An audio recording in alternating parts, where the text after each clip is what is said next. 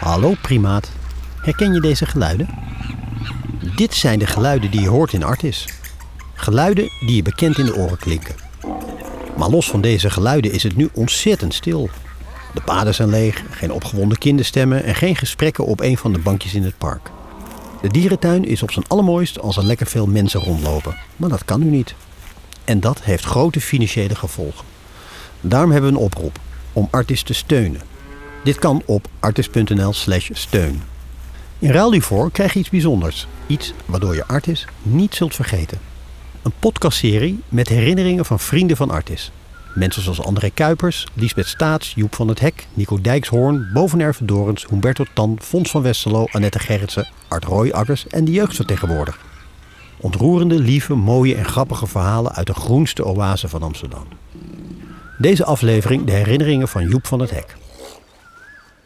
Mijn naam is Joep van het Hek en dit zijn mijn herinneringen aan Artes. Terugblikken op Artes. Zal ik vier geweest zijn? Ja, ik was vier en mijn moeder was ons zat. Een kinderschare die zich doodverveelde in een landerige herfstvakantie. Er moest iets verzonnen worden. Het werd een middagje Artes. Mijn eerste middagje Artes.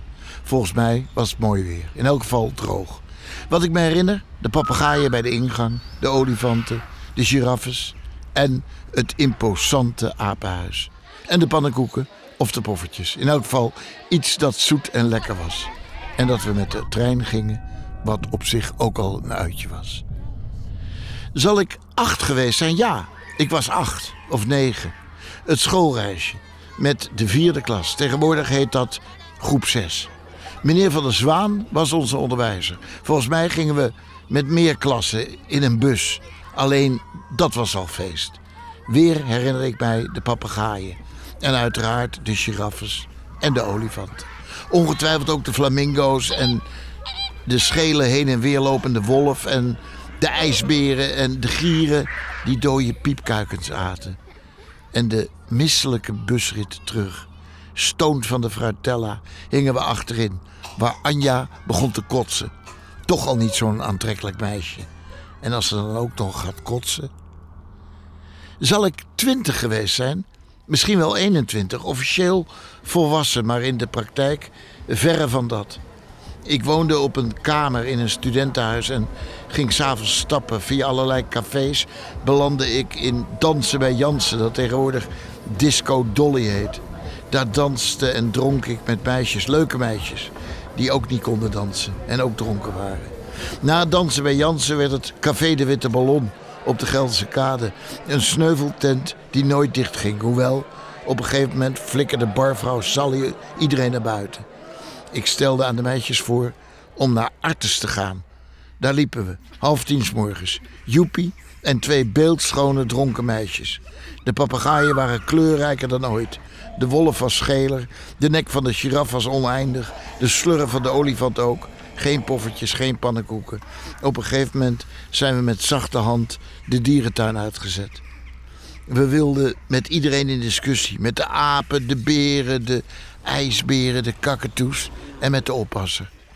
Elf uur liep ik met twee mooie meisjes door de stad, terwijl heel Nederland aan het werk was. Toen wist ik zeker dat ik artiest wilde worden. Veertig was ik, of misschien 41. Daar liep ik met mijn vrouw en koters, waarvan er één in een bukkie door de Amsterdamse dierentuin. De kinderen bepaalden de route. We keken onze ogen uit. Ik vroeg me af of het nieuwe olifanten waren. Of het nog steeds de olifanten uit mijn jeugd waren. Zou de olifant deze keurige huisvader nog herkennen als die dronken lor van 25 jaar daarvoor? Ik beantwoordde alle vragen van mijn kroost en vertelde s'avonds voor het slapen gaan spannende artesverhaaltjes over Pim en Pietje. Later werd dat een boek, een kinderboek. Waarom de dieren in Artes op zaterdag zo moe zijn. Dat behalve door mijn kinderen door niemand is gelezen.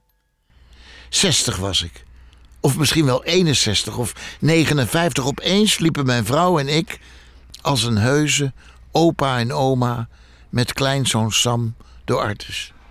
Weer de papegaaien, Weer de olifanten. Weer de giraffes. De apen. Het mannetje genoot. En wij genoten van het mannetje.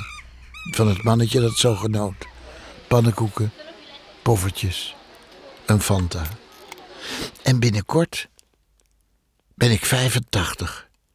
En word ik door een zuster in mijn rolstoel door de dierentuin geduwd. En val ik haar lastig met mijn artesverhalen als peuter, als kleuter, als dronken student, met twee mooie meiden, als gezin, als opa. En dan zou ik toch één keer knikken naar de dieren. Naar alle dieren. Ja, naar alle dieren. Dankjewel Joep. Artis vergeet je niet, of beter gezegd, vergeet Artis niet. Want het gaat niet goed met de dierentuin. We blijven de dieren goed verzorgen, maar we dreigen geen geld meer te hebben voor verbeterprojecten en uitgaven aan onderhoud. Daarom een oproep aan alle luisteraars: steun ons. Alleen met jullie steun kan iedereen herinneringen blijven maken in Artis. Ga naar artis.nl/slash steun en doneer. Namens alle dieren en iedereen van Artis, dank je wel. In de volgende aflevering zijn er weer nieuwe herinneringen van Liesbeth Staats.